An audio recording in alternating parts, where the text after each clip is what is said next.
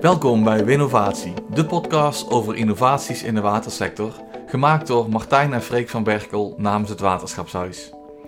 Dit is deel 2 van 3 over de innovatie highlights, waarin we per aflevering drie innovatieparels behandelen. Met vandaag AI op de zuivering met Rob van der Zanden van Waterschap AMA's, Aquathermie over het duurzaam verwarmen en koelen met water met Harry de Brouw van Waternet en last but not least Calmera, een nieuwe veelbelovende grondstof die we winnen uit het afvalwater met Maarten Schaasma van Waterschap Rijn en IJssel. Als eerste hebben we een gesprek met Rob van der Zanden, innovatietechnoloog bij Waterschap AMA's. Het zuiveren van het afvalwater willen we altijd nog schoner, efficiënter en milieuvriendelijker doen. AI, Artificial Intelligence, of in het Nederlands kunstmatige intelligentie, kan ons daarbij helpen. Je zou het kunnen vergelijken met een slimme robot aan het stuur op een zuivering. Rob neemt ons mee in het waarom, hoe en wat van dit systeem, inclusief de uitdagingen. Uh, Rob, uh, welkom uh, op deze middag in Winnovatie de podcast. Leuk dat je er bent. Ja, dankjewel. Leuk voor de uitnodiging. En, en, en vertel eens Rob, wie, wie hebben wij tegenover ons? Kun je iets over jezelf vertellen? Ja, natuurlijk. Nou, ik ben Rob. Ik werk bij Waterschap AMA's als innovatietechnoloog. Dus dat ik geïnterviewd word door innovaties misschien een beetje toevallig. Nou, denk ik niet. Ik ben uh, tien jaar geleden ongeveer begonnen bij het waterschap als uh, ja, informatiemedewerker. En door de jaren heen heb ik mij opgeknocht tot technoloog, waar ik nu bezig ben met het, uh, nou ja, de zuivering van de toekomst. Dus enerzijds zijn dat nieuwe zuiveringsconcepten, dus een nieuwe manier om het water schoon te maken of om ons slip te, te, te, behandelen of nieuwe grondstoffen toe te passen. Maar ook van hoe doen we het zuiveringsproces. en in dit geval doen we dat met AI om het proces aan te sturen. En, en, en, en, kun je ons nou, voordat we de, de inhoud indijken, wat doet, wat doet een technoloog uh, precies? Ja, er zijn verschillende vormen van technologen als je naar de waterschapswereld uh, kijkt. Maar in basis zijn dat mensen die weten hoe het zuiverproces werkt. En soms adviseren ze erin, soms zorgen ze dat er nieuwe regelingen worden geïmplementeerd. Dus er is best wel een brede palet aan technologen. Je had het net ook over, we gaan het vandaag ook hebben over AI op de zuivering, de, die specifieke innovatie. Zou je ons kort mee kunnen nemen in, in wat dat nou precies is en wat het doet? Ja, met AI op de zuivering hebben we eigenlijk een software systeem gemaakt wat uh, de, de data, dus de sensoren die op de zuivering zijn, die meten iets. Nou, dat creëert data dat die data continu wordt geanalyseerd en gekeken van, nou ja, hoe, hoe presteert dan die zuivering op dat moment? Dus die, die data geeft aan of het water schoon genoeg is, of over hoeveel lucht er ingebracht wordt, et cetera. En door die data samen te voegen, geeft dat iets over uh, het functioneren van de installatie. En met, met die data en informatie, hè, wat, wat, wat doen jullie daar dan precies mee? Wat, wat levert het nou precies op? Ja, dus van die data wordt een model gemaakt eigenlijk. Hè. Dus die informatie wordt geautomatiseerd in een model. Dus er is een model dat continu gevoed wordt met nieuwe informatie en wordt er steeds bijgesteld. Dat je eigenlijk een soort van computer hebt die steeds in de gaten heeft van hoe functioneert die zuivering. En je kan dat model ook met uh, verschillende situaties voeden. Dus in plaats van dat je in het echt heel veel chemicaliën gaat doseren, doe je dat in, in het model uh, invoeren. En dat model geeft dan aan van, hey, het gaat dan beter op de zuivering of slechter. Nou ja, als je iets gaat doseren, zal het effect van die dosering wel beter gaan. Maar ja, dat kost ook geld. Hè? En, en dat soort inzichten kunnen allemaal gegenereerd worden in dat, uh, in het AI-model. En doordat het continu in verbinding staat met onze zuivering, kan je dat dus ook continu doen. En steeds met de, met de laatste informatie. Dus voor mijn begrip, hè, ik vat het een beetje samen als een leek, maar eigenlijk hoe ik het moet zien is dat AI-model dat jullie ontwikkeld hebben in die software, die bestuurt als het ware de zuivering.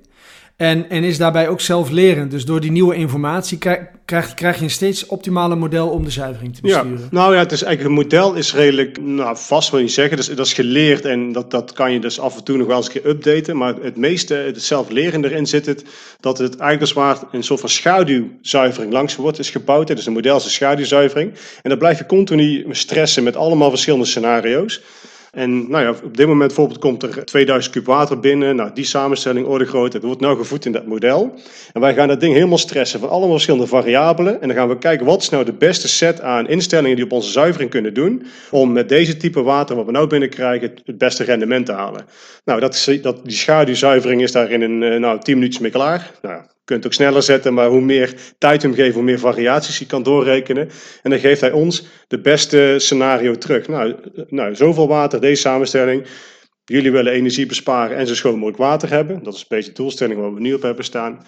En dan geeft hij terug van, nou, dan moet je zoveel chemicaliën, zoveel zuurstof inbrengen en zoveel water recirculeren. Ja, dus het resultaat is een, een optimale zuiveringsproces en ook e- energie- en kostenbesparing. Nou, je kan dus zelf je target stellen, maar in, in, principe ja. Dus je geeft een optimale setting en wat jij optimaal vindt, dan kan je aan de voorkant in programmeren. Hm.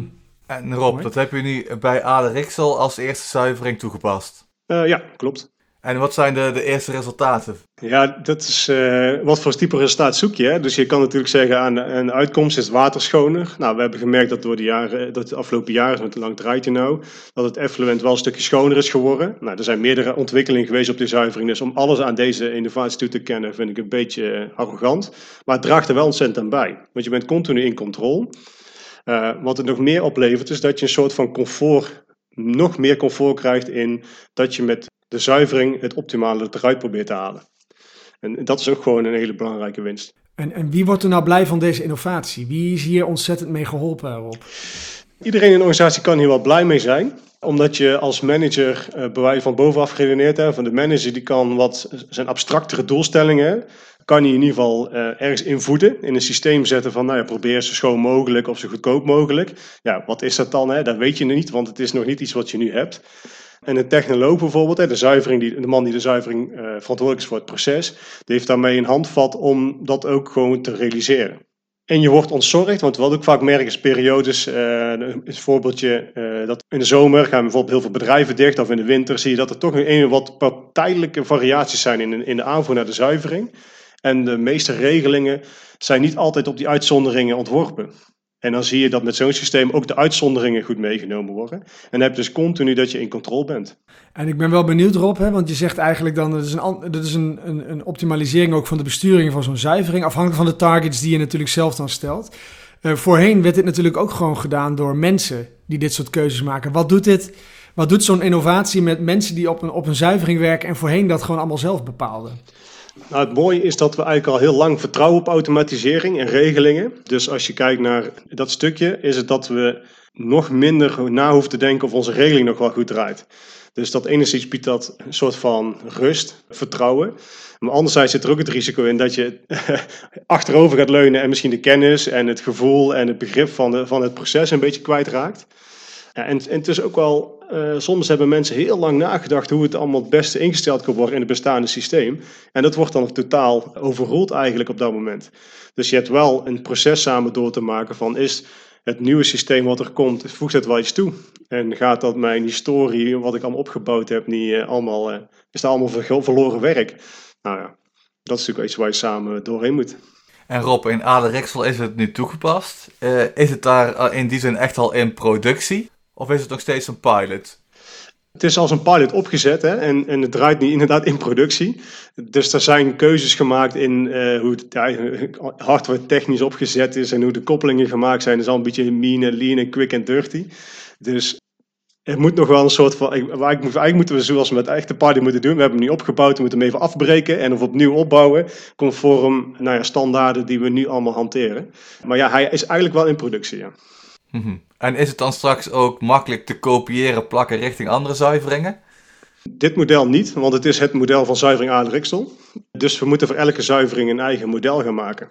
En dat proces, hoe je dat daartoe komt, is wel heel goed te kopiëren. Dus uh, de inhoud niet, want ja, dan zou het niet het model van de zuivering Aardriksel zijn. Maar... Dus het is ook maatwerk in die zin, Rob. Als je kijkt naar dat, dat bij elke zuivering toch wel weer opnieuw moet worden gekeken naar wat het ideale model is. Ja, ja want een zuivering die, uh, wij hebben zeven zuiveringen bij AMA's en ook zeven verschillende configuraties. Hè, dus hoe de zuivering uh, eruit ziet qua techniek. Maar ook het afvalwater is per zuivering anders. Soms zit er een bepaalde industrie op of nou noem het maar wat, hè, over hoeveel verhard oppervlakken. Dat is voor de regen, uh, hoeveelheid die op de zuivering komt, zit dan aangesloten. Dus altijd zo'n variabelen, die zijn per zuivering uniek. Dus dan moet je ook per zuivering een unieke modellering hebben. Ja, en ik, en ik ben wel benieuwd, als je kijkt naar dit proces, hè, Rob, om dit AI op de zuivering uh, verder te brengen. Um, je legt het ook uit waar je nu staat. Wat is voor jullie de grootste uitdaging in, in dit proces? Nou, de grootste uitdaging was nog wel alle datasets betrouwbaar krijgen we hadden al best wel wat sensoren en die werkten ook allemaal eigenlijk naar behoren. Uh, alleen je merkt dat je nu een andere toepassing voor je bestaande data gaat vinden. En dan is het soms wel belangrijk als die uitvalt, een sensor, dat die nu sneller wordt. Uh, niet sneller niet, maar dat er het, het feit dat je dus uh, die waarde nou niet meer valide hebt, uh, moet je even snappen van hoe erg is dat voor mijn model. In sommige data is dat helemaal niet zo erg, hè, want dan kan je wel even met, een, met ongeveer werken, maar sommige informatie is heel cruciaal. Bijvoorbeeld jouw influent waarde, hoeveel water komt er binnen. Ja, als die wegvalt, ja, weet het model niet meer wat hij moet doen. Dus dat is wel het grootste inzicht, hè, dat, dat de data die we al heel belangrijk vonden nog belangrijker wordt. En uh, stel Rob, je doet een aanpassing op je zuivering. Kun je dan nog steeds dat AI-systeem gebruiken of moet je dan weer helemaal vanaf nul beginnen? Ja, je moet het model updaten. Dus jouw configuratie gaat er anders uitzien. Dus moet je die nieuwe configuratie ook in het model krijgen. Uh, en dan kan je het in basis uh, gewoon weer hergebruiken. En um, wordt het nu ook al toegepast bij andere zuiveringen in Nederland? Zover ik weet niet. En misschien dan wel, als je kijkt naar, naar dit proces, hè, dus, dus je zegt, je Martijn vroeg dat net en je zegt het wordt eigenlijk nog niet zo toegepast bij andere zuiveringen in Nederland. Wat, is, is dit iets wat wel in potentie interessant kan zijn voor alle waterschappen? Om, om, om zo te gaan werken? En, en mijn vervolgvraag daarop is van, en wat moet daar dan nog voor gebeuren? Dus om dit verder te brengen. Nou, in principe kan het door uh, elke zuivering geïmplementeerd worden en gebruikt worden. Uh, dus ja, het, alle zuiveringen van heel, de, heel, Nederland, heel de wereld kunnen met dit soort systemen worden uitgevoerd. En wat er voor nodig is, dat je in ieder geval de, de juiste data hebt. Dat is wel belangrijk. Hè? Je moet de juiste databronnen hebben om het goed te kunnen maken. Uh, ja, en dus heb je een stukje hardware misschien nodig. Nou, ik denk dat dat bij grotere zuiveringen in Nederland wel beperkt is. Ja, en dan is het belangrijkste nog voor jou, wil je als organisatie dit soort tools gaan gebruiken en de meerwaarde die het geeft, in ons geval, wil je daar ook voor investeren en de mensen meekrijgen, het geld voor vrijmaken en een beetje controle gevoelsmatig uit handen geven. En, en is het dan ook zo, als je naar de toekomstmuziek kijkt van deze innovatie, als dit nou echt een succes wordt, heb je dan op, heb je dan op een zeker moment in de tijd nog, nog mensen nodig op de zuiveringen die dan daar zaken doen bedienen? Ja, altijd. Uh, sowieso blijft er altijd onderhoud uh, en kwaliteitscontroles nodig op je, op je sensoren. Dat is al één dingetje. Maar ook zo'n model uh, je kan niet zomaar extrapoleren. Hè? Dus iets wat hij nog nooit heeft meegemaakt. Uh, ja, hoe moet hij daarmee omgaan? Ja, het is toch wel handig als er nog altijd mensen zijn die uh, de niet voorspelbare uh, zaken kunnen, kunnen oplossen. En Rob, als je dit wil gaan gebruiken, dan ben je ook kosten kwijt voor beheer en onderhoud, implementatie. Kun je iets zeggen over de business case of iets over de terugverdientijd bijvoorbeeld? Ja, dat is Afhankelijk, in ons geval was het, uh, de Efteling kwaliteit was voor ons heel belangrijk. Omdat wij ons aan, binnen een aantal jaar aan de KRW-doelstellingen willen gaan voldoen. En dan is het eigenlijk een, een verminderde uitgave in chemicaliën. Uh, en dan is de business case heel snel. Uh, of heel, heel kort, de business case, de terugverdientijd, dat was het woord. maar als je vanuit je bestaande installatie gaat kijken en alleen maar energie, dan, dan hadden ze het over ja, vijf jaar, vijf tot tien jaar. Uh, in ons geval is het korter omdat we door lagere stikstofwaardes heel veel minder methanol hoeven te gaan doseren in de toekomst. En Rob, als je kijkt naar deze innovatie, waar ben je dan het meest trots op? Uh, dat we het gewoon, uh, gewoon geflikt hebben. Met een aantal mensen vonden we dit een goed idee en leuk om uit te proberen. Uh, en aan alle kanten hebben we ondersteuning gekregen in, in middelen, in, in, in tijd, noem het maar. Mensen hebben gewoon meegedaan en hadden er gewoon zin in. En ja, als we dingen bijvoorbeeld niet mochten, hebben bijvoorbeeld een verbinding uh, gelegd met Z-Info. Dus, dus een server die niet bij ons in het, uh, in het park staat, zeg maar, maar uh, ja, geen idee waar hij nu staat. We hebben nou een poortje opengezet in onze PA-omgeving, dus ik hoop niet dat al te veel hackers nou meeluisteren. Uh, die wel beveiligd is opengesteld, maar wel iets wat normaal gesproken door een hele soort van uh, BIWAC-keuring heet dat geloof ik. En nou ja, dat is een keuring waar je volgens mij nou nog steeds niet uit bent als je ermee wil starten. Van mag je die verbinding wel openmaken van je PA naar, je, naar een ander systeem wat buiten jouw PA-omgeving staat. Nou, dat was wel ook leuk dat mensen daar gewoon heel makkelijk in meewerken en meedenken. Dus maar, ja, het was gewoon leuk om te doen, gezellig. Ja, en je, zegt ook wel van dat de, er waren best nog wel wat hiccups. Als ik dat zo hoor, en je bent er ook wel trots op dat, dat jullie die, die, die beslecht hebben. Dat het gelukt is in feite. Ja, nou eigenlijk wel terugkijkend wel. Want we hebben best wel wat collega-waterschappen ook op bezoek gehad toen het nog mocht. En daarna nog wat digitale discussies gehad over van ja, hoe heb je dit nou allemaal gedaan?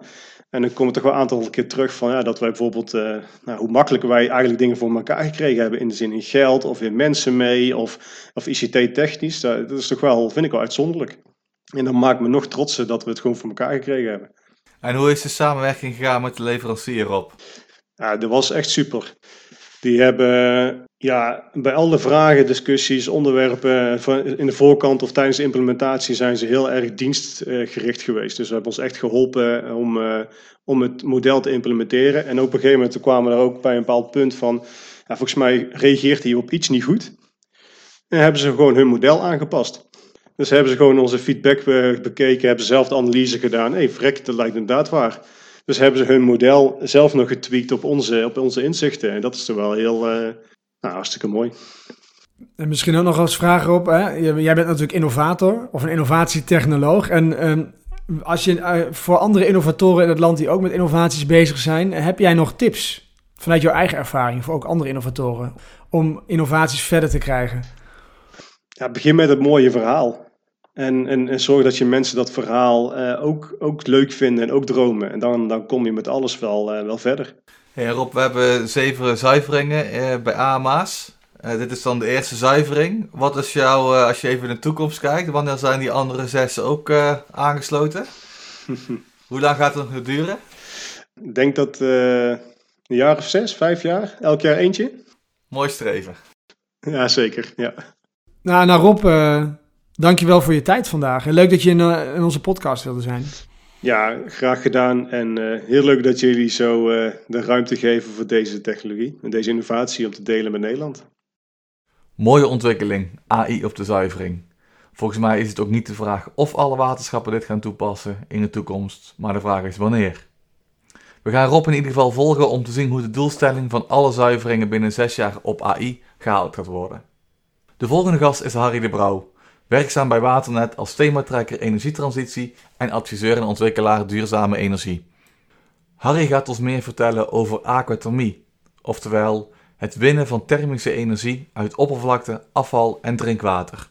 Naast een uitleg over de techniek neemt hij ons mee in de voorbeeldprojecten, de vele samenwerkingen die ermee gepaard gaan en vertelt hij ons ook wat voor grote potentie deze techniek heeft. Nou, Harry, uh, goedemiddag. Welkom in onze Winnovatie podcast. Leuk dat je er bent. Ja, dankjewel. Kun je, kun je ons eerst even vertellen, Harry, uh, wie jij bent en, en hoe ziet jouw dagelijks werk als innovator eruit? Ja, mijn naam is dus Harry de Brouw en ik werk voor Waternet. Um, nou, ik hou me daar bezig met het, uh, het warmte terugwinnen of het warmte opwekken uit de watercyclus voornamelijk. Daarnaast doen we ook nog wel andere zaken met energie, maar vooral ja, het aquatermie verhaal, dat heeft onze voornaamste aandacht. Um, ja, en dagelijks betekent dat dat wij onderzoek doen naar hoe we dat het beste kunnen uitvoeren.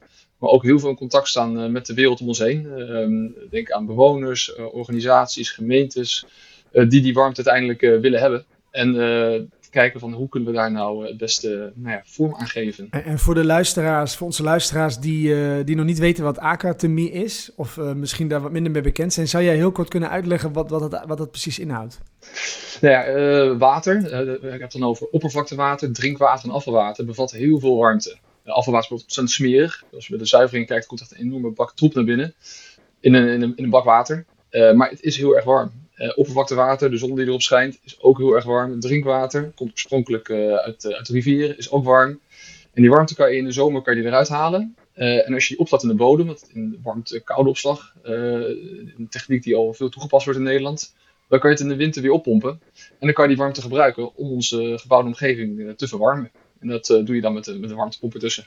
En van, de, van die warmte, wie, wie, is de gelukkige die warmte mag ontvangen? Dus wie wordt er gelukkig van deze, van deze innovatie? Ja, Nederland uh, we willen met z'n allen aardgasvrij worden. Dus dat is het beleid van de Nederlandse overheid. In 2050 moeten de aardgaskranen zo goed als het dicht staan om de CO2-uitstoot te verlagen. En nou ja, eigenlijk hebben we alle middelen wel nodig om dat te gaan halen. Um, en aquathermie kan daar een rol in spelen. Uh, vooral voor nieuwbouw is dat een hele geschikte bron, omdat die al goed geïsoleerd zijn. Dat is een belangrijk kenmerk van deze techniek. Maar ook bestaande bouw kan daar prima mee. En we zien uh, dat veel bewoners er heel gelukkig van worden, want die, kunnen een eigen systeem gaan exploiteren. Die kunnen zeggen van, nou, ik heb een, een, plas achter me in de wijk en daar kunnen we warmte uithalen en die kunnen we dan zelf gaan, gaan benutten. Dus dat, dat voelt goed. Hè? Net zoals je voedsel uit je eigen omgeving haalt, kan je ook warmte uit je eigen omgeving halen. Maar je kan het ook grootschaliger doen. Dat je zegt van, met, met woningcorporaties of energiebedrijven. En dat je uh, kleiner, kleinschalig begint en ga je langzaam uh, nou, uitrollen naar een groter schaalniveau. En stel je gaat een nieuw huis bouwen en er ligt inderdaad een plas in je achtertuin. Ehm, moet, moet die plas nog aan bepaalde voorwaarden voldoen? Of kun je elk willekeurige plas gebruiken? Nou, het makkelijkste voorbeeld is dat je een woonboot hebt. En dan, dan lig je letterlijk op het water. Nou ja, dan kan je zelf, dan ben je van niemand, niemand afhankelijk, kan je een, ehm, dat, dat water oppompen of je, je hangt daar een warmtewisselaar in, een soort bol die in het water hangt. Ehm, en dan uh, gaat die uh, warmte onttrekken, die bol, uit dat water. Dus met een pompje erin, en gaat dan, wordt er in dan aan vloeistoffen gecirculeerd. Dat gaat naar je warmtepomp die in je woning staat. En nou ja, als het dan koud is, dan slaat het ding aan en dan gaat hij je woning verwarmen. Dat is de meest simpele versie. Hè. Dan ben je dus individueel, dan je, heb je voor niks verder te doen met anderen. Op het moment dat je niet op het water zit, maar verder ervan af, in, in een wijk, dan kan je zeggen, nou, we gaan een wijkoplossing bedenken. Dus we gaan als wijk gaan we die warmte uit die plas halen. Dat gaat door een warmtenet heen en dan naar de woningen toe, om daar de woningen te verwarmen. Dat moet je dus in een collectief gaan organiseren. En zitten dan nog bepaalde vergunningseisen aan? Stel ik woon op een woonboot, kan ik dan morgen zo'n warmtepomp kopen en gaan gebruiken? Of moet ik nog iets regelen? Op het moment dat je een warmte onttrekt uit het water, dan ga je feitelijk een koude lozing doen. En daar zit dan wel een vergunning aan vast. Dus je moet eh, bij het waterschap een, vergunning eh, daarvoor aanvragen. Uh, nu zijn uh, voor woonboten is dat zo klein wat er uh, het effect ervan dat dat bijna altijd wel vergund zal worden. Dus die warmte die kunnen natuurlijk veel mensen gebruiken. Dat kunnen, dat kunnen inwoners zijn. Dat kan, je gaf net ook aan, dat kunnen ook een, een wijk die dat met elkaar beslist in corporatievorm. Het is natuurlijk ook voor gemeenten, projectontwikkelaars, mensen die nieuwbouwwijken aanleggen, voor iedereen interessant. hoe hebben jullie het als waterschap gedaan in, in de samenwerking met al die partijen rondom dit thema? Ja, als Waternet uh, reageren wij op aanvragen van de buitenwereld. Dus we nemen nu niet hetzelfde initiatief om uh, projecten te ontplooien. Maar het kan zijn dat de gemeente ons vraagt en zegt van, joh, we gaan uh, deze wijk aardgasvrij maken. En willen jullie meedoen in de verkenning van de mogelijkheden? En dat kan dan voor Amsterdam bijvoorbeeld de stadswarmtenet, dan is dat een van de mogelijkheden. maar het kan ook dat men zegt van, joh, aquatomie vinden we daar ook een interessante oplossing. kunnen jullie meekijken wat, wat, wat daarin mogelijk is en wat dat dan ook technisch en financieel betekent? Het kan ook zijn dat het een bewonersinitiatief is. Bewoners naar ons toe komen en uh, daarin uh, aan ons vragen of we willen meedraaien. Daar een voorbeeld van is het Wilhelmina Gasthuisterrein in Amsterdam, in de, in de binnenstad. Dat is een bestaande bouw. En die zijn nu al best wel ver. Uh, die hopen binnen twee jaar, drie jaar geloof ik ook al een, een, een, een installatie draaien te hebben. en vragen ook aan ons of wij daarin willen participeren. het kunnen ook woningbouwcorporaties zijn die er vragen naar hebben. Dus het is van alles en nog wat eigenlijk. Wat zijn nou de mooiste projecten waar een Waternet heeft bijgedragen rondom aquatomie? Ja, dus Waternet heeft um, momenteel twee projecten gerealiseerd. Dat zijn projecten waarbij we drinkwater als uh, bron gebruiken. Een van de Sanquin. Uh, dat is de bloedbank in Amsterdam. En uh, daar wordt koude gewonnen uit ons drinkwater om het bloed te koelen. En eerst gebeurde dat met koude uit de buitenlucht, maar er moest nog best wat elektriciteit bij om dan zomers voldoende koude eruit te halen. En door het drinkwater uh, te halen, is dat, uh, gebeurt het eigenlijk passief. Dat betekent dat er geen warmtepomp tussen komt. En uh, ja, is het een stuk energie-efficiënter. de andere is in Diemen, de Sliep, dat is een woonwijk. En daar wordt warmte uit drinkwater gehaald.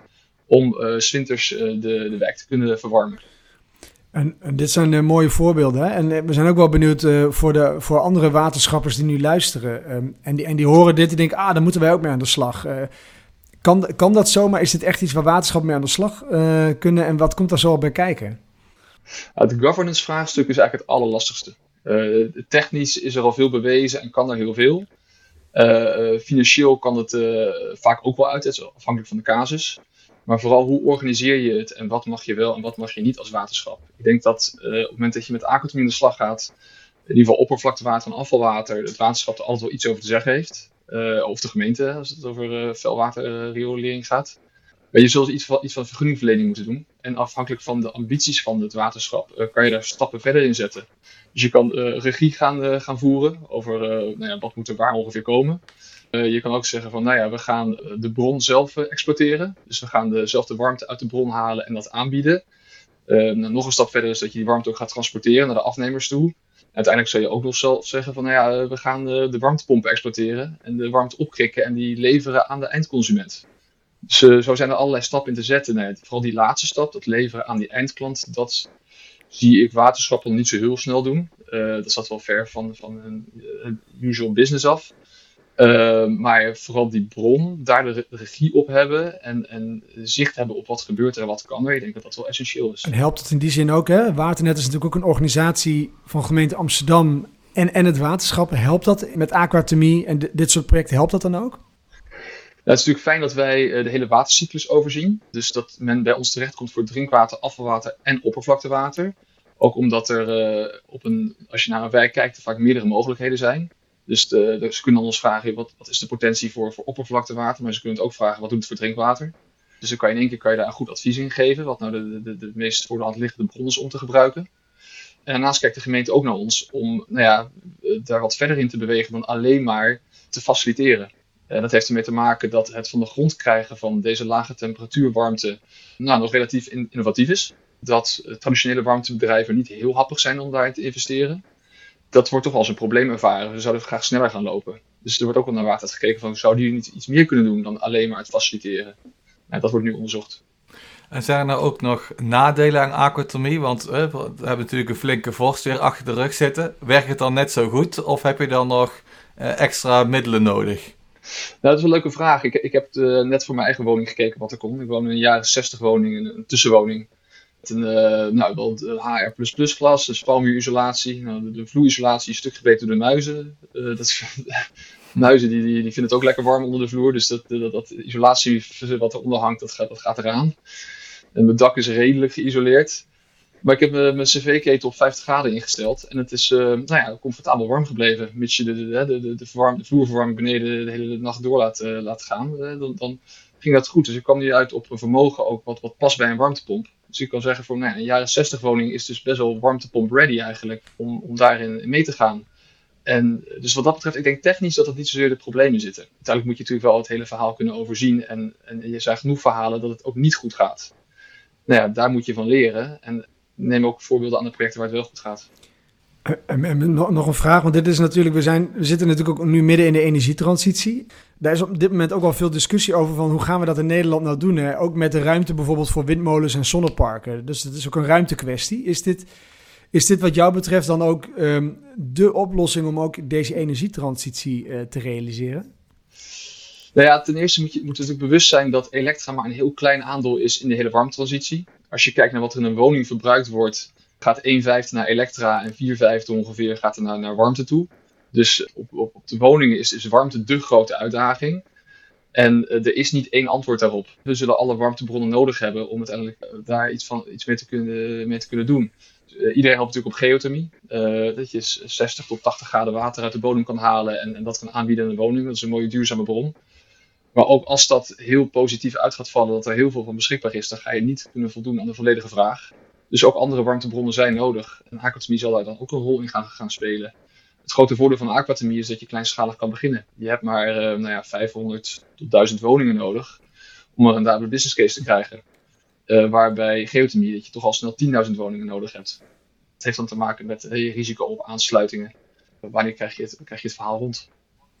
En wat is de, de potentie van aquathermie? Hoeveel, hoeveel woningen in Nederland zouden kunnen aangesloten worden op aquathermie? Want als iedereen natuurlijk die warmte uit het water gaat halen, dan neemt die temperatuur weer af en dan wordt het minder rendabel.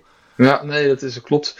We, we hebben berekend dat we voor het Amsterdamse een potentie hebben van rond de 60% van de bestaande bouw. Maar ook naar de toekomst toe, als je kijkt naar als er nieuwbouw erbij komt, dan ongeveer 6% van de, van, de, van de woningen dus als utiliteit kan je verwarmen met warmte uit eh, die hele waterketen. Uh, waarbij oppervlaktewater verreweg de grootste potentie heeft, zeg maar rond de 50%. Dus, dus dat is best fors. Je moet natuurlijk wel gaan kijken wat uh, het effect is op het oppervlaktewater. Dus als het allemaal heel dicht bij elkaar zit, op een gegeven moment is het too much.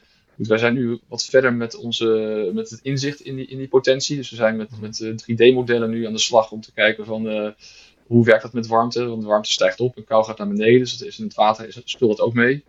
Dus hoe ga je om met waar ga het onttrekken, het water, eh, en dan haal je de warmte eruit. En vervolgens afgekoelde water gaat weer terug. En waar doe je dat dan? En het verbaast me eigenlijk steeds weer hoe groot die potentie is. Eh, tot twee jaar geleden lachte men je uit als je zei dat je 60% van, de, van Amsterdam kon verwarmen met, met, met, met water. Eh, warmte uit water. En dat, weer, dat gelooft men niet. Ondertussen heeft men wel zoiets, eh, oké, dat kan wel zo zijn. Dus dat verschijnt nu ook wel in de rapporten. Maar nu we diep in die casussen gaan duiken en echt die rekensommetjes gaan maken, gaan modelleren, dan, dan zie je gewoon dat je met een relatief klein watertje, dat je toch al snel 2000 woningen kan verwarmen. Dus daar is heel veel mogelijk. Uh, dat is dan hè, vanuit het gezien vanuit de, de, de koude lozing. En daarnaast wat er nog speelt is, wat gebeurt er nou met het leven in het water op het moment dat je het door zo'n installatie trekt? En daar hebben we nogal vraagtekens bij. En, daar is ook nog wat Kun je, werk daar, kun je daar heel kort iets over vertellen? Wat, wat die vraagtekens dan zijn daarover? Nou, nu worden die, die installaties eh, die worden ontworpen vanuit het, blik van de energiedeskundige. De- Degene die die installatie gaat exploiteren. Die wil zo'n optimaal mogelijk systeem hebben. Min mogelijk kosten en het rendabel mogelijk draait.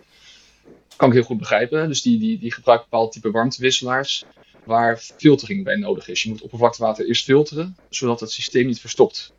Maar als je het water filtert, dan haal je dus ook eh, biologisch leven uit het water. Als je dat op kleine schaal doet, dan zal dat niet zo'n grote impact hebben op het watersysteem. Maar als we dat nou overal gaan toepassen, ja, wat gebeurt er dan met het water? Eh, dat is een grote, grote vraag voor, voor ons als waterschap. En, en ik hoor het ook steeds meer bij andere waterschappen, eh, ook bij STOA, van hé, hey, daar moeten we toch echt meer, meer inzicht in krijgen. Dus nou daar zijn we mee bezig om daar vorm aan te geven, ook om, samen met andere waterschappen om daar onderzoek naar te doen en ervaring op te doen. En het kan best zijn dat er uiteindelijk uitkomt dat men zegt van nou ja, eh, wellicht moet het type warmtewisselaar wat nu toegepast wordt niet gebruikt worden. Maar een ander type warmtewisselaar, wat, we ook meenemen in het onderzoek, eh, kan wellicht eh, wel toegepast worden. Heeft minder effect op het leven, maar eh, haalt ook goede rendementen. Dat is iets waar we met z'n allen aan moeten werken. En ik hoop uiteindelijk dat deze techniek ook kansen biedt uiteindelijk om de waterkwaliteit te verbeteren. Uiteindelijk zijn we, ben je water aan het verpompen. Je hebt het in handen. En dat biedt ook kansen om wellicht die waterkwaliteit te verbeteren, zodat we eerder aan de kaderrichtlijn water ja, doelstellingen gaan voldoen. Dus het biologische leven weer in laten zitten, maar tegelijkertijd de, de slechte vloeistoffen eruit filteren. Ja, nutriënten bijvoorbeeld. Hè? Eh, Ja. Fosfaat, stikstof, in bepaalde type wateren toch in overvloed aanwezig, meer dan we lief hebben. Nou ja, als je dat eruit kan halen, helemaal mooi zelfs als je het zou kunnen terugwinnen om te gebruiken. Klinkt als Fosfaat. win, win, win, win. Eh, Dan. ja, ja, absoluut. Dus eh, nou ja, daar, daarmee willen we aan de slag. Er komt nu ook een, ehm, op innovatie een challenge te staan, eh, waarbij we nou ja, de buitenwereld uitdagen om met ideeën te komen. Om, om ja, hier verder onderzoek naar te doen. En hoe, eh, als je kijkt naar eh, de, de landen om ons heen, hè, wereldwijd gezien, zijn daar al eh, grote ontwikkelingen op het gebied van aquatomie? Als je kijkt naar warmtepompen aan zich, wordt het al heel veel toegepast. Vooral het grappige is in de noordelijke landen. Hè, Scandinavië, Noorwegen, Finland, waar het heel koud is in de winter, daar passen ze al jarenlang warmtepompen toe. Dus de angst die wij hier hebben dat we in koude winters met warmtepompen dat dat niet haalbaar is, volgens mij is dat een beetje ja, niet nodig, die angst. Eh, is het prima in te passen. En vaak wat ze in die landen doen, in, eh, halen ze gewoon de warmte uit de buitenlucht. Dus het is min 20 en dan halen ze alsnog genoeg warmte eruit om een woning eh, eh, ja, comfortabel te verwarmen. Ja, Nederland eh, heeft natuurlijk heel veel water. Nou, Finland trouwens ook. Eh, en en ja, hier ligt dan de focus heel erg op van wat kunnen we daarmee doen. Eh, wat wel is dat je de, de business case pas rendabel krijgt mits je voldoende woningen eh, met systemen weet te verbinden. En als je kijkt naar, naar het proces om dit eh, ook voor jullie als Waternet, hè, in, in die twee projecten die, je- die je ook noemt, verder te krijgen. Wat is voor jou een belangrijke les die je ook aan andere innovatoren wil meegeven die luisteren, die met innovatieprojecten bezig zijn? Ja, de governance, dat is toch wel eh, een van de belangrijkste punten die men vaak vergeet. Uiteraard moet je de, de quickscan en de haalbaarheid op orde hebben qua techniek en financiën. Maar weet wie uiteindelijk welke rol gaan oppakken in het systeem. En heb, heb ook duidelijk in beeld van hoe men daarin staat. In het begin van het proces is, is vaak iedereen enthousiast. Maar op het moment dat het puntje bij paaltje komt en eh, er moet getekend worden en, en men moet financiële risico's gaan nemen, dan zie je dat er toch nog wel eens vraagtekens naar boven komen van hoeveel vertrouwen we hebben in elkaar en in, in, in het hele verhaal. Eh, Je wil het ook niet van tevoren helemaal vastpinnen, want dan maak je jezelf eh, inflexibel mee. Maar vergeet dat niet uit het, dat mee te nemen in je hele verhaal. Zijn er nog dingen die jij graag wil vertellen, Harry?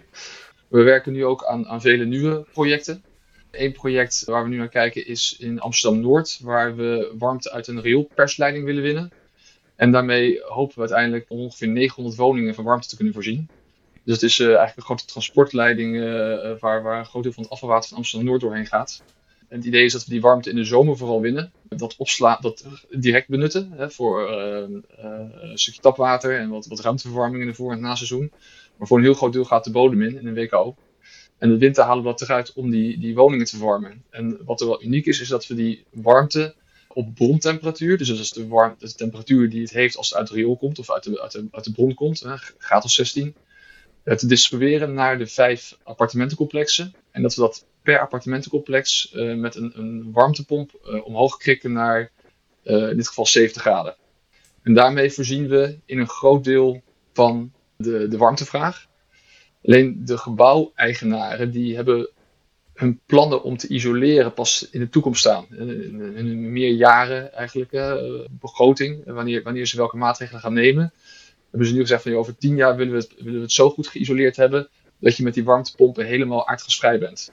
Ze hebben gezegd van nou we gaan nu alvast die warmte leveren om in die basis- middellast te voorzien, zo heet dat, via die warmtepompen. En de pieklast, nou, die heb je dan nodig zoals de afgelopen week toen het heel koud was. Nou ja, dat doe je dan nog met de gasketels die er al staan, die blijven gewoon staan. En als ze dan geïsoleerd hebben, dan kunnen die gasketels eruit en ben je dus helemaal aardgasvrij. Maar kan je wel nu al direct aan de slag om voor een heel groot deel te verduurzamen. Interessant. En dat is dus ook iets wat je doet samen met gemeente Amsterdam, omdat je gebruik maakt van die persleiding, neem ik aan. Ja, ja dus het is inderdaad de gemeente Amsterdam die, die, die steunt dit. Maar het project wordt dan in dit geval door de consortium uh, vanuit uh, Waternet uh, Vieran voor het transport. En de KEI, dat is dan de woningcorporatie, wordt het gezamenlijk opgepakt. Interessant. En jij zei ook aan van dan gaan we die warmte in de grond opslaan. heb je daar dan een bassin liggen of hoe werkt dat dan? Ja, dat, dat heet dan warmte-koude opslag. En dat is wat je doet, is je boort eigenlijk twee gaten in de grond. halve meter diameter ongeveer volgens mij, wat, wat, mm -hmm. wat, wat die doen. Die liggen op 300 meter afstand van elkaar even pakken meet. En de ene wordt de warme bron, de andere is de koude bron. Uh, en je pompt letterlijk uh, in de zomer warm water de grond in. Uh, dat verspreidt zich in de, in de aquifer, in het watervoerend pakket. Nou, dat, dat staat bijna stil en is redelijk goed isolerend. En in de winter wordt het warme water opgepompt. wordt de warmte eruit gehaald en wordt datzelfde water afgekoeld in de koude bron naar beneden gepompt. Nou ja, en dan blijft okay. het daar weer op zijn plek. En dan, zo gaat het per seizoen heen en weer. En dat is eh, WKO is een hele gangbare techniek die veel in kantoren wordt toegepast. Omdat daar de warmte- en koude vraag in balans is op jaarbasis. Ze hebben een grote koelingsvraag. Nou ja, uh, zoals wij hem willen inzetten is het uh, vooral dat je uh, warmte toevoegt vanuit de omgeving. En dat kan dus oppervlaktewater, afvalwater, drinkwater zijn. Maar het kan ook een datacentrum restwarmte zijn of any warmtebron hè, waar je warmte over hebt. En daarmee regenereer je eigenlijk je warme bron in de zomer. En in de winter haal je de warmte er dan uit. Mooi. Dus je gebruikt de, de WKO als een accu. Die, die je in de zomers, die zomers aanvult en winters benut. Ja, voor nieuwbouwwoningen, die hebben een, een, koude vraag. En dan kan je dus ook mooi die koude ge gebruiken. Dat is ook een, een, hele mooie ja, voordeel van dit systeem. Waar uh, een stadsverwarming, die biedt alleen maar warmte aan. Maar koude niet. De mogelijkheden zijn eindeloos, zou ik zeggen. Dat, uh, ja, goed om te horen. Nou ja, we, hopen ook nog dat het uh, bij kan dragen aan de kwaliteit van ons drinkwater. Door klimaatverandering, uh, hittestress, zie je dat uh, de temperaturen lopen in de zomer op. Daarmee lopen ook de temperaturen in de drinkwaterleiding op. En wettelijk is vastgelegd dat het niet warmer mag worden dan 25 graden. Nou ja, dat, daar, daar lopen we nu tegenaan. En dat heeft dus met legionella-beheersing te maken. Bacterie, ongewenste bacteriegroei het, in het leidingnet. En wat we nu doen is op het moment dat het boven die 25 graden komt, is dat we dat water gaan spuien. En dan raakt het gewoon kwijt. Het is natuurlijk hartstikke zonde. Door uh, zomers warmte uit het drinkwater te winnen en te, uh, op te slaan voor benutting in de winter, dan uh, heb je, win je niet alleen warmte, maar daarmee koel je ook je drinkwater. Dus ook, ook daar zitten profijtelijke kansen. Mooie innovatie. Ja, dankjewel ook voor je tijd, Harry, en je aanwezigheid hier vandaag in onze podcast. Een veelbelovende technologie, dat aquatomie. Op dit moment loopt er ook een challenge op winnovatie.nl met de vraag warmte winnen en fosfor verwijderen uit oppervlaktewater. Twee vliegen in één klap. Oftewel, wie bedenkt de ideale combinatie van aquatomie en een stukje kwaliteitsverbetering van het oppervlaktewater? Deze challenge loopt tot 20 juni 2021 met een hoofdprijs van 1000 euro en een verdere uitwerking van je idee. Wil je meer weten over aquatomie? Dan kan dat op aquatomie.nl. En dan gaan we over naar de laatste gast van vandaag. Dat is Maarten Schaafsma van Waterschap Rijn en IJssel, waar hij werkt als beleidsadviseur zuiveringsbeheer. Maarten gaat ons meer vertellen over Calmera, een nieuwe grondstof die gewonnen wordt uit het afvalwater. Net als de vorige twee innovaties duiken we in het begin even de techniek in om erna verder te praten over bijvoorbeeld, nou maar wat, wat kun je dan met Calmera als grondstof? Waar wordt het voor gebruikt? Hoe vind je afnemers van deze grondstof? En wat betekent het voor het waterschap in een nieuwe rol als grondstoffenleverancier? Maarten, welkom, uh, welkom vandaag op deze ochtend in onze Winnovatie podcast. Dankjewel. Uh, uh, Maarten, kun jij, kun jij ons vertellen wie, wie jij bent? Ik ben Maarten Schaafsma. Ik werk bij Waterschap Rijn en IJssel als senior beleidsadviseur. En daarnaast werk ik voor de grondstof Calmera in de Calmera Market Hub als business developer. Mooi. En uh, kun je ons iets vertellen over die Calmera Market Hub? Wat is dat precies? Uh, voor Calmera zien we dat wij uh, nu een mooie grondstof hebben. We hebben twee demonstratieinstallaties. en om volume te creëren in de afzet, werken wij samen met de betrokken partijen in de Camera Market Hub. Dus is echt gericht op de vermarkting van ons, ons nieuwe product. En, en, en, en Camera, hè? want, want Ehm, voor, de, voor de waterschappers en voor de mensen uit de watersector die naar deze podcast luisteren, denken: Calmera, wat, wat is dat? Zou je, zou je eens kort mee kunnen nemen in wat dat, wat dat precies is, Calmera? Ja, Calmera heeft best wel een geschiedenis. Calmera is een naam uh, die wij bewust hebben gekozen. Het is uh, Maori voor chameleon. En dat staat voor de veelzijdigheid van het product. Het is best lastig om te omschrijven. We hebben het uh, over een biopolymeer. Een biopolymeer dat je kan inzetten als, als lijmmiddel, als grondstof voor coatings, het is fysiek, als we in de keuken werken, het makkelijkste vergelijken met een verdikkingsmiddel. Uh, wat je voor voeding gebruikt. En, en waar gebruiken jullie uh, Calmera voor? Ja, wij gebruiken zelf de Calmera niet. Uh, wij winnen de Calmera uit, uit korrelslip van onze Nereda-installatie. Wij hebben die staan in Zutphen. En daar staat onze Calmera-installatie ook. Uh, Waterschapverlijn in Veluwe heeft staan in Epe. Ook achter de Nereda. dus wij maken de grondstof. Martijn? En Maarten, hoe is Calmera ontdekt? Uh, Camera, ja, kijk, Camera is uh, enerzijds bij toeval ontdekt, anderzijds is natuurlijk ook de, uh, de nieuwsgierigheid van een, van een wetenschapper. Camera is ontdekt door onderzoek te doen naar korrelslip. wat zit er in korrelslip? wat maakt korrelslip uniek of anders dan actief slip? aan de andere kant hadden we ooit ook te maken met een, met een hele grote gellaag op een, op een zandfilter bij een pilot van een Nereda-installatie. en dan ga je onderzoeken wat is dat. En eigenlijk is het toen ontdekt van we hebben te maken met een stofje dat lijkt ja, vroeger noemden wij het nog wel eens alginaat of neo-alginaat. Dat is het niet, uh, maar zo is het eigenlijk begonnen met een vergelijking met een ander product, wat je vindt. En, uh, en zo, zijn we, zo zijn we eigenlijk begonnen. Ja, dus heel staccato van waar lijkt het op, wat kun je ermee? Wat wordt er, met de uh, wat wordt er gedaan met het referentieproduct? En zo ga je richting, richting de markt. Dus in het beginsel zijn we begonnen met een marktverkenning, als het ware, van, van Camera. Van we hebben een product en dat lijkt op uh, is er überhaupt interesse in een dergelijk product vanuit, uh, vanuit de watersector? En hoe kijken marktpartijen daar nou tegenaan? Wat vragen ze van ons? Wat willen ze dat wij leveren? En dat is eigenlijk een heel iteratief proces geweest tussen, uh, tussen wetenschap, technologieontwikkeling en, en markt. En dan ga je eigenlijk naar de markt toe, uh, Maart, begrijp ik. En dan heb je een heel nieuwe grondstof. En dan zeg je, ja, wie vindt dit interessant? Ja, uh, wij zijn ooit begonnen met een, uh, met een andere naam. Uh, ooit noemden wij het uh, Nereda-alginaat of neo-alginaat. En dachten marktpartijen van, we hebben te maken met alginaat. Dus dan kom je al met een bepaalde verwachting binnen. Nou, soms je die verwachting heel goed en anders, uh, op andere momenten totaal niet. Want we hebben geen alginaat, we hebben iets heel anders, we hebben Camera. En Camera heeft hele andere eigenschappen ook. En dat is wel een zoektocht, want je komt inderdaad met een nieuw product.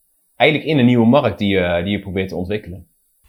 Misschien, misschien nog één stap terug, uh, Maarten. Want toch over dat Calmera nog van... Uh, je zegt hè, die interesse vanuit je markt. Maar kun je nog één keer vertellen... Want je, gaf, je begon net ook al uit te leggen wat het is. Maar, maar waarvoor wordt het precies gebruikt? Door wie? Zeg maar even voor ons, voor ons beeld nog. Uh, Calmera zetten wij nu met name af in de land- en tuinbouw. dat is ook de, de sector waar wij op het, voor de korte termijn het meest van verwachten qua afzetvolume. Daar gebruiken we het als biostimulant. biostimulant zorgt ervoor dat een plant zich beter voelt in het ecosysteem. Dat hij beter groeit. Eh, er zijn proeven mee gedaan. Uh, wordt ook nu afgezet en toegepast. En dan zie je gewoon een hogere biomassa opbrengst. Wat meer concrete toepassing, die ook al meer voor de beeldvorming spreekt, is de coating van meststoffen. Meststoffen moeten langzaam afgegeven worden aan de, aan de omgeving. en wij kunnen dan eigenlijk een bioafbreekbare laag maken van de Calmera rondom die meststof, waarmee je fossiele plastics vervangt. Je gaat op een gegeven moment de markt op om te kijken wie heeft interesse. En even voor het proces, hoe komt dit samen? Want jullie ontdekken op een gegeven moment zo'n stof in, in dat slip. En, en, en, dan, en dan denk je, nou, dat zou een toepassing kunnen hebben. Aan de andere kant heb je dan de markt. Hoe, hoe, hoe komt dat aanbod bij die vraag? Uh, ja, dat is een heel ontwikkeld traject geweest. Die, de, de eerste marktverkenning was in 2013. Uh, eh, inmiddels zijn we acht jaar verder. Uh, dat was een traject wat heel erg gericht was op een sector die uh, niet bekend is met Calmera. Dus we kwamen eerst bij de papiersector. Daar waren ook de eerste testen mee gedaan. Calmera is een, uh, is een copolymeer van eiwitten en suikergroepen. klinkt even heel scheikundig, maar dat geeft ook bepaalde eigenschappen aan je product. Dus op papier konden we zien van, als je Calmera op papier smeert, dan geeft het een bepaald waterresistent effect. Maar bij papier zit je ook weer aan certificering gekoppeld. dus zo is dat een groeiproces geweest. Er gingen naar verschillende sectoren. Waarbij je uiteindelijk komt bij sectoren waar je, uh, waar je nu beland bent. En soms heb je ook wel een dosis geluk nodig. Van dan zie je bijvoorbeeld bij de TU was men ook bezig met een, uh, met een polymeer dat heel erg lijkt op, uh, op Calmera. Wat dan richting bijvoorbeeld de bouwsector ging. En zo ontstaan lijntjes en zo ja, groeit uiteindelijk ook het, het, perspectief. En op twee plaatsen in Nederland wordt nu Calmera ingewonnen.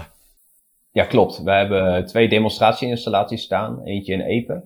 Eigenlijk sinds een paar maanden is die uh, operationeel. En we hebben hem sinds eind 2019 in Zutphen staan. Dus vanuit beide uh, locaties kunnen wij leveren. Er is ook bewust gekozen eigenlijk om met twee installaties te beginnen.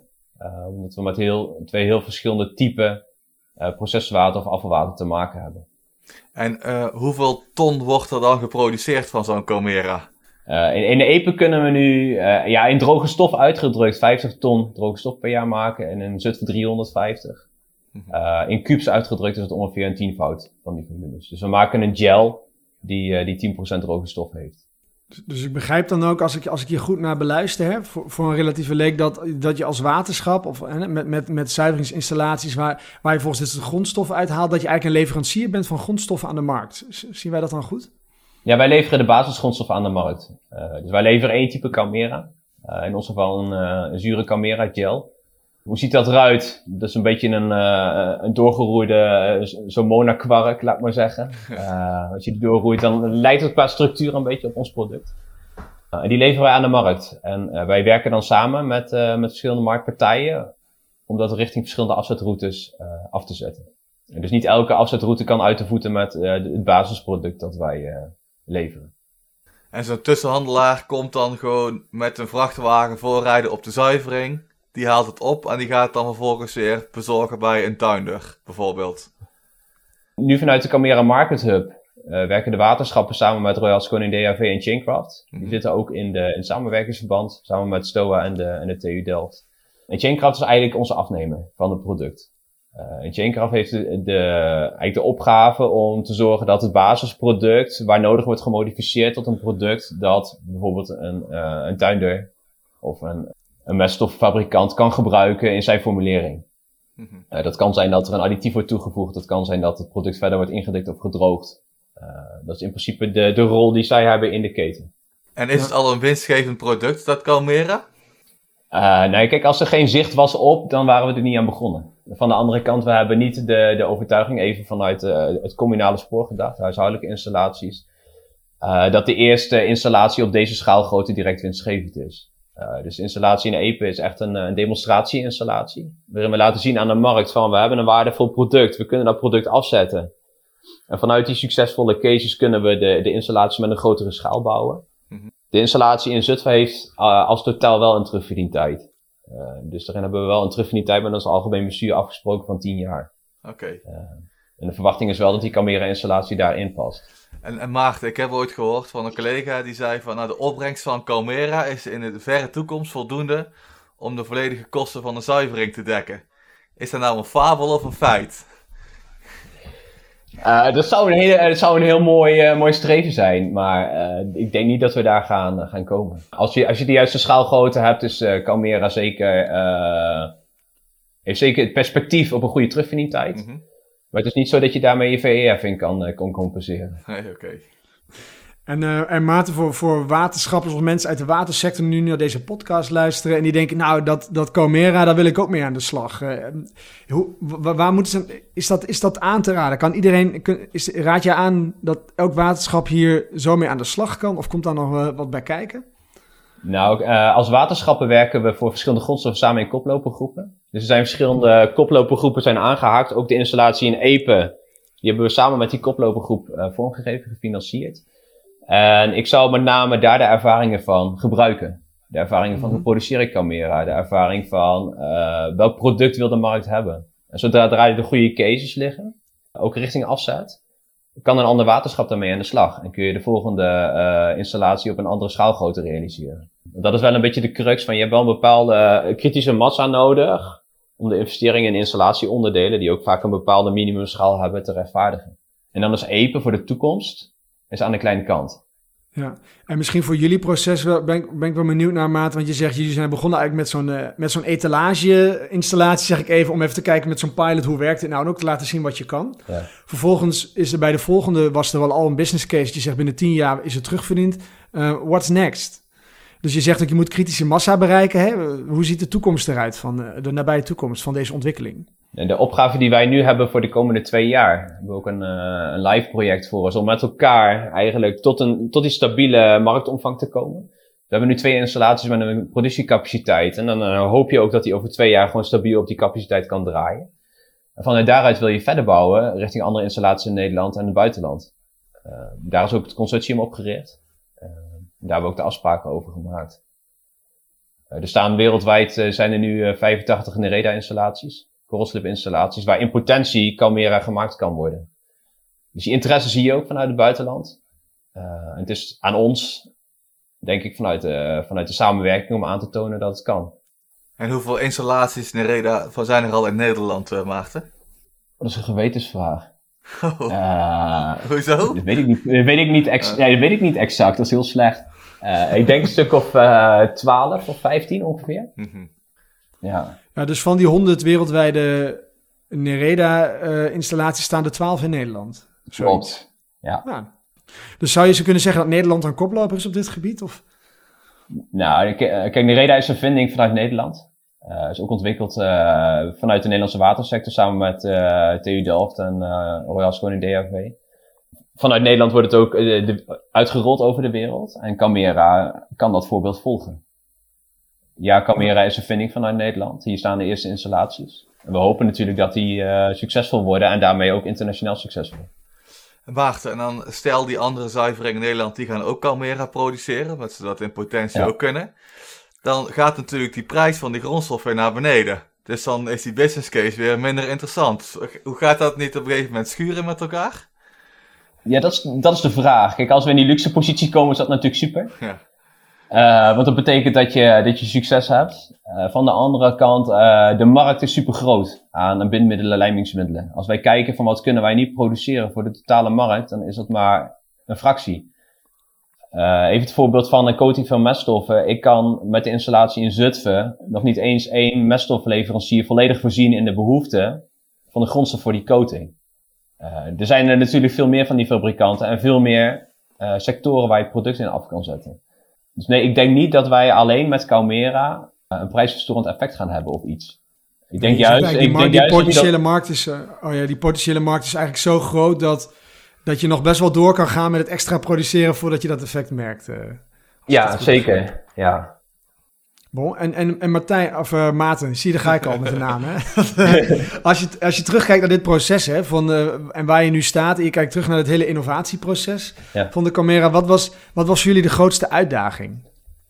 Ja, kijk, het blijft altijd een kip-ei verhaal van wanneer je een investering pleegt. Ja, dan is het eigenlijk top dat, uh, dat de waterschappen hun nek uitsteken om die, om die investering te plegen, om die installaties te krijgen, waarmee je ook een representatief product aan de markt kan leveren. Uh, we zaten heel lang zaten we in die, uh, in die labfase. Van een partij die vraagt om een sample en je moet heel veel moeite doen om een liter sample te leveren. Dan sta je de hele dag in het lab sta je uh, camera te maken.